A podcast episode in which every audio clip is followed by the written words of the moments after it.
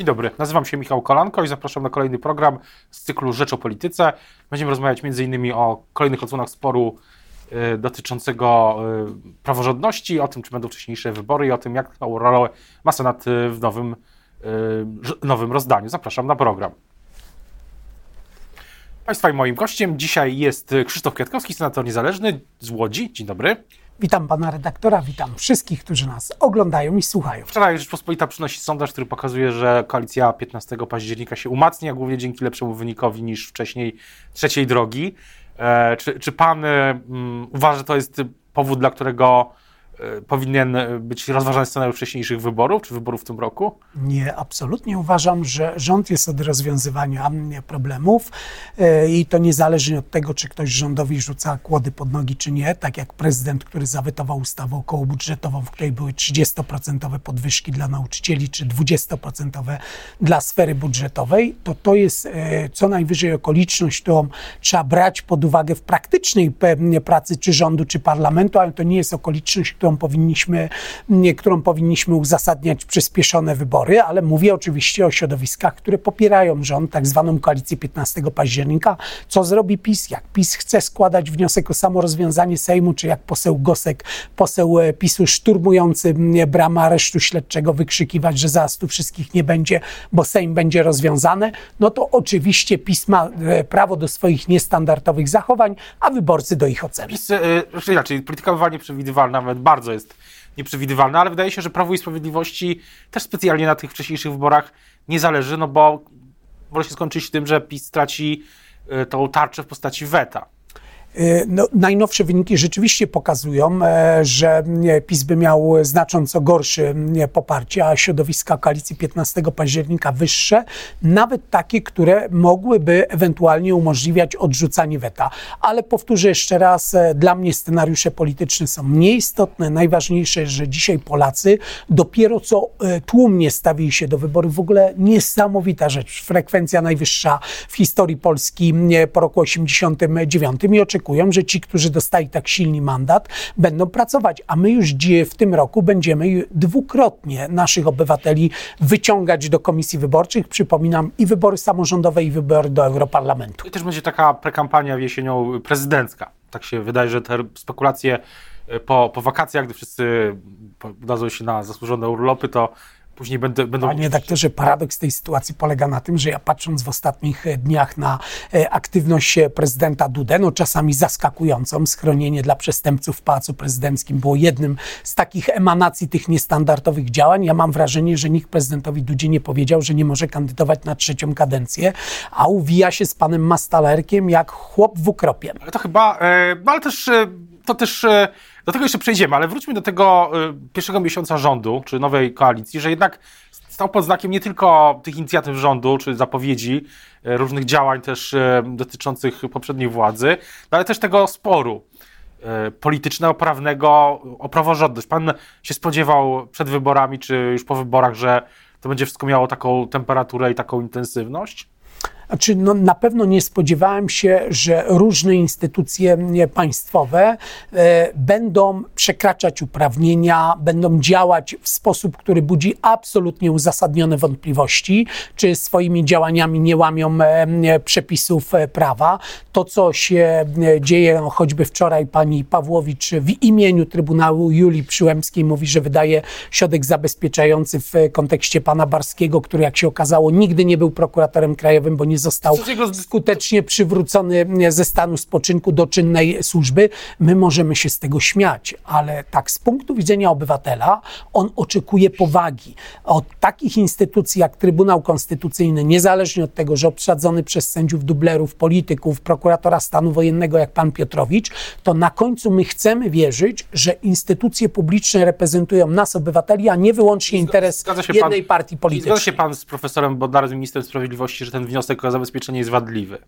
tego wniosku nie, może, nie można było w ogóle złożyć. On w ogóle nie powinien być rozpatrywany. Przepis prawa mówi, zacytuję e, dokładnie, że wniosek o zabezpieczenie do skargi konstytucyjnej pana Barskiego mógł być złożony wtedy, kiedy on wyczerpał drogę prawną e, w swojej sprawie. Ja już pomijam to, że bym powiedział, no tak jak mówię, to PiS doprowadził do sytuacji, że on nigdy nie był przywrócony ze stanu spoczynku do czynnej służby. Ale nawet jak się z tym nie zgadzać, to prokurator Barski ma prawo odwołać się do sądu pracy. A jeżeli chce składać wniosek do Trybunału Konstytucyjnego, to nie tylko ma prawo, ale obowiązek wyczerpania drogi prawnej. I tak na końcu zapytam o jedną rzecz. Ta sprawa ma sygnaturę 9 przez 2014. Ja się pytam, co dzieje się z pozostałymi ośmioma? Czy też tak ekspresowo są załatwiane? Albo co pani Pawłowicz robi ze sprawą, bo ona prowadzi tą sprawę jako członek Trybunału Konstytucyjnego. Uwaga, z 2014 roku wniosek dotyczy spraw ordynacji podatkowej. Wiele wiele obywateli na, czeka to rozstrzygnięcie i mija za chwilę 10 lat i się okazuje, że Trybunał Konstytucyjny i pani Pawłowicz się tą sprawą nie zajęła. Wróćmy jeszcze do, do działań rządu. Czy, czy gdyby był pan na miejscu dzisiaj profesora Bodnara, ministra sprawiedliwości, prokuratora generalnego, to działałby pan tak, jak działał profesor Bodnar? Działałbym zgodnie z przepisami prawa i w tym wypadku tak działa pan profesor Bodnar. Jeżeli stwierdza, że prokurator Barski nie jest prokuratorem e, czynnym, tylko jest w stanie spoczynku, to gdyby on nie podjął jakichś działań, to naraziłby się na odpowiedzialność co najmniej przed Trybunałem Stanu. Każdy z członków Rady Ministrów ma obowiązek działać zgodnie z konstytucją i przepisami prawa, a tutaj przepisy ustawy o prokuraturze mówiły wyraźnie, przywrócić ze stanu spoczynku do czynnej służby można było w 2016 roku, a nie w roku 2022. Ja nie wiem, czy to jest, e, bym powiedział, takie nieudacznictwo PiSu, czy to taki gang Olsena, który za co się nie weźmie, to zepsuł, czy taka bufonada, takie przekonanie państwo do my. Co my przepis? My decydujemy o tym, jak w praktyce prawo ma funkcjonować, niezależnie od przepisów e, ustawowych. Ten czas się skończył. Co do y co do samego, samego sporu, to dokąd on prowadzi, bo wydaje się, że on będzie definiował te najbliższe miesiące, nawet lata, może do czasu aż, no właśnie, dokąd on prowadzi do tego, że obywatele będą mieli poczucie, że prokuratura pełni funkcję oskarżyciela publicznego w każdej sprawie, w której jest taki interes obywateli, a nie tylko w sprawach, w których jest taki interes jednej partii, czyli PiSu. Panie redaktorze, 8 lat za nami. Mamy wiele spraw. Słynna sprawa dwóch wież. Austriacki przedsiębiorca mówi, na polecenie prezesa Kaczyńskiego włączyłem łapówkę 50 tysięcy e, złotych jednemu z członków e, władz spółki Srebra. Wyjmuje te pieniądze w banku. Mamy logowania jego telefonu, wszystko potwierdzające okoliczności, o których on mówi. I co? I prezes Kaczyński nawet nie został przez prokuraturę przesłuchany. Przez te 8 lat żaden polityk, ważny polityk PiSu nigdy nie miał przez tę prokuraturę nie tylko postawionych zarzutów, ale często nie przeprowadzono z nim żadnych czynności. Niech pan sobie wyobrazi, wydaje się setki milionów złotych na nieistniejące respiratory, a najlepszym fachowcem od sprzętu zabezpieczającego e, e, medyków okazuje się instruktor narciarski byłego ministra Szumowskiego i prokuratura z tym nic nie robi. Czyli można powiedzieć, że teraz... W sensie zakończenia oczywiście tej sprawy, bo może jakieś fikcyjne, wydumane czynności były prowadzone. Teraz profesor Bodnar chce odzyskać sterowność po prostu nad instytucją? E, minister Sprawiedliwości, prokurator generalny profesor Adam Bodnar chce, żeby instytucje prawa, instytucje, które mają reprezentować interes obywateli, ten interes obywateli e, reprezentowały.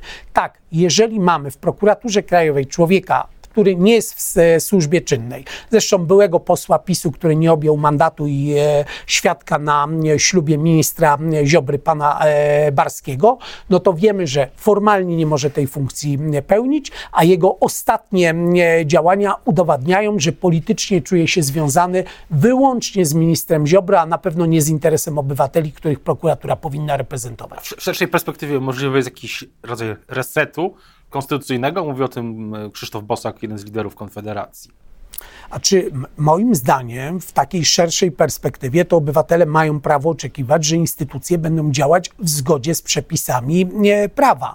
Jeżeli prezydent, yy, bym powiedział, no, który już zapowiada i udowodnił przy ustawie okołobudżetowej, co było kuriozalną decyzją, bo swoją decyzją e, wyrzucił w powietrze 30% podwyżki dla nauczycieli i 20% dla sfery budżetowej. Jeżeli prezydent powie, są takie a takie obszary, w których możemy rozmawiać e, z rządem o określonych zmianach, to oczywiście podejdziemy do tego poważnie. Sprawdzam, już jest. E, Ministerstwo Sprawiedliwości ogłosiło projekt nowelizacji ustawy o KRS-ie nie wchodząc w konflikt z prezydentem.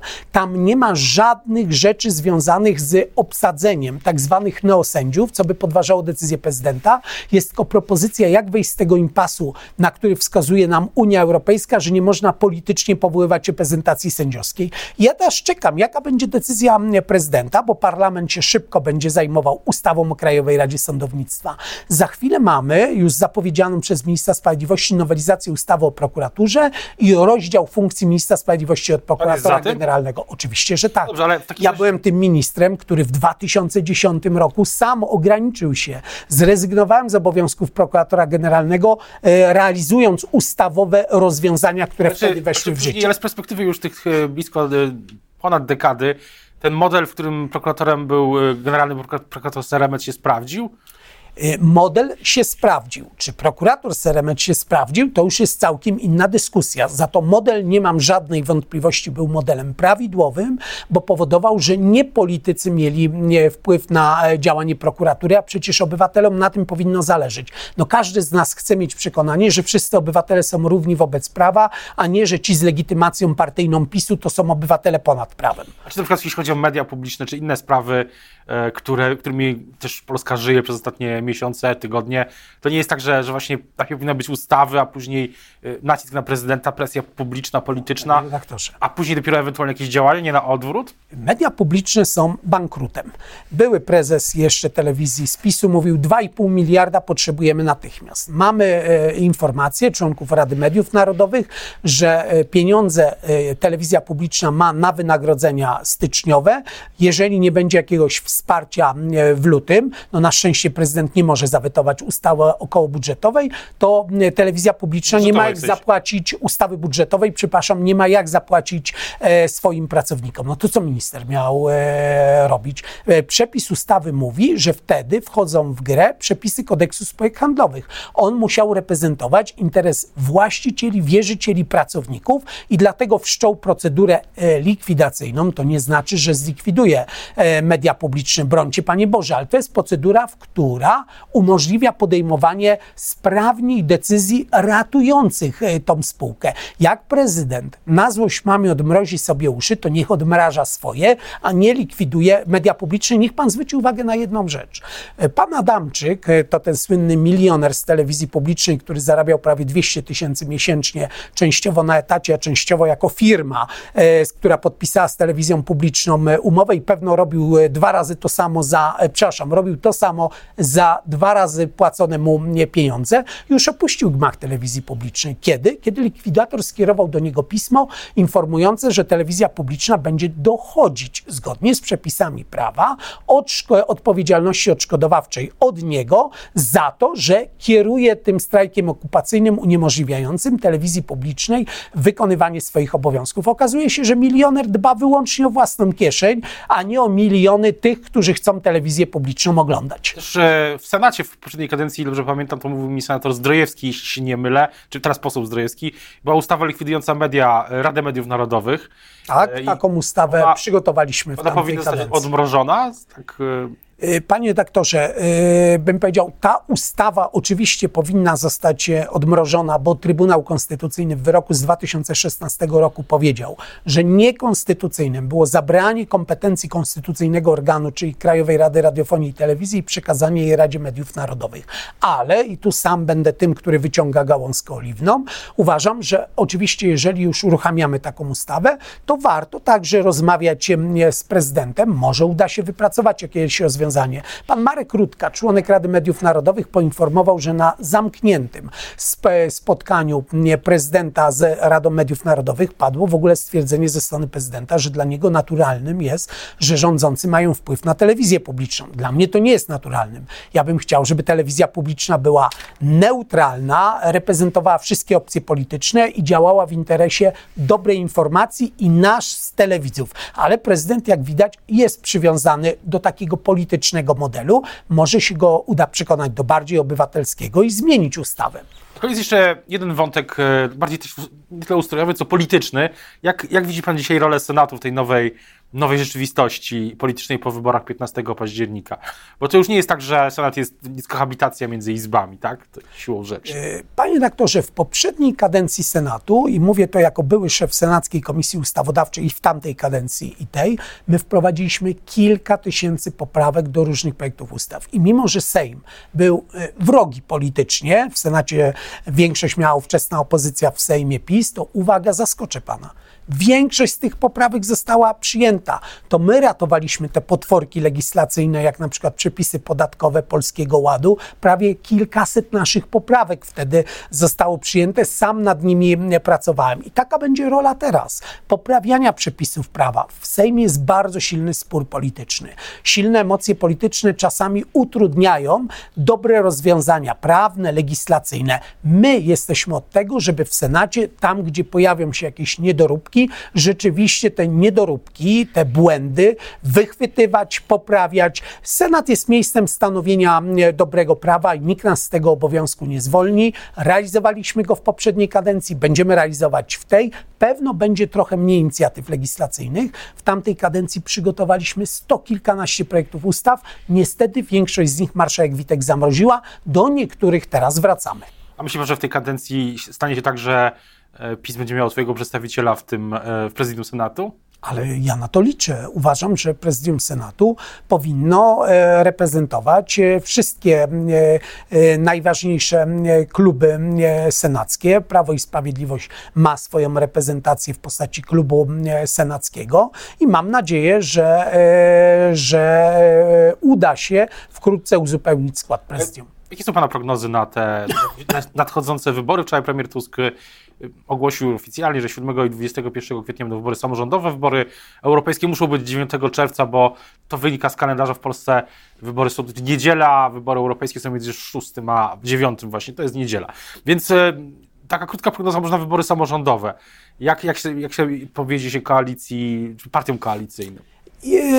Badania e, pokazują, ale e, po, będę zawsze powtarzał, e, szacunek, pokora, praca, aby kogoś tu zacytować, bo to wyborcy na końcu decydują. Dzisiaj badania pokazują, że koalicja 15 października, czyli koalicja obywatelska Trzecia Droga i Lewica, łącznie mają szansę wygrać wybory w kilkunastu sejmikach, czyli znacząco zwiększyć tą reprezentację. Absolutnie zakładam także, że w dużych miastach to wynika także z rozłożenia pewnych sympatii politycznych e, wyborców, także zwycięży, e, zwyciężą kandydaci opozycji demokratycznej i samorządowcy, bo bym powiedział, jest całkiem liczna reprezentacja prezydentów miast, która jest e, bezpartyjna. A pewno w ośrodkach wiejskich, w tych mniejszych gminach, w dużej ich części może być tak, że PiSowi uda się utrzymać swoje poparcie, ale o wszystkim zdecydują obywatele. Kto będzie nowym prezydentem Łodzi? Ten, kogo wybiorą łodzianie. A, myśli pan, a pan, będzie, pan myśli o starcie? Panie doktorze, decyzje dotyczące Łodzi zawsze ogłaszam w Łodzi, bo tego wymaga szacunek dla mieszkańców Łodzi, zresztą no, dla mieszkańców e, mojego miasta, więc w najbliższym czasie mieszkańcy Łodzi mają prawo się spodziewać będziemy, mojej e, decyzji w tej sprawie. Będziemy, będziemy to śledzić. Jeszcze na koniec jedno jeszcze pytanie o wybory europejskie. Będą miały znaczenie w, w tym roku, czy, czy, już, czy już nie? Będą miały znaczenie, bo y, one będą niezwykle uważnie obserwowane nie tylko w kraju, ale także w Europie. Polska jest tym wyjątkowym krajem, w którym udało się przełamać tą tendencję, gdzie przegrały rządy, które odchodziły od praworządności. Skądinąd cytat prezydenta Dudy o terrorze praworządności bezcenny, bo praworządność to działanie w zgodzie z przepisami prawa, a terror to gwałt. Gwałt na prawie i oczywiście na obywatelach, więc wzajemnie sprzeczna teza, którą prezydent wygłosił. Ale to pomijamy. Parlament Europejski będzie istotny bo cała Unia Europejska będzie patrzeć, kogo Polki i Polacy wybiorą jaką reprezentację. Ja nie będę tu mówić o oczywiście określonej sile politycznej, wyrażę tylko jedną nadzieję, że wybierzemy takich, których głos będzie w Europie uważnie słuchany, a nie tak jak było z głosem PiSu, który zachwycał się tym, że przegrywał głosowanie 27 do 1. O tym, jak będą przebiegały te wybory, te kampanie samorządowa europejska, będziemy oczywiście uważnie o tym, uważnie to śledzić. Teraz bardzo już dziękuję za rozmowę Państwa i moim gościem dzisiaj był senator niezależny Krzysztof Kwiatkowski. Dziękuję bardzo. Dziękuję Państwu i pamiętajcie, polityka to nie wszystko. Życzę Państwu miłego, spokojnego dnia.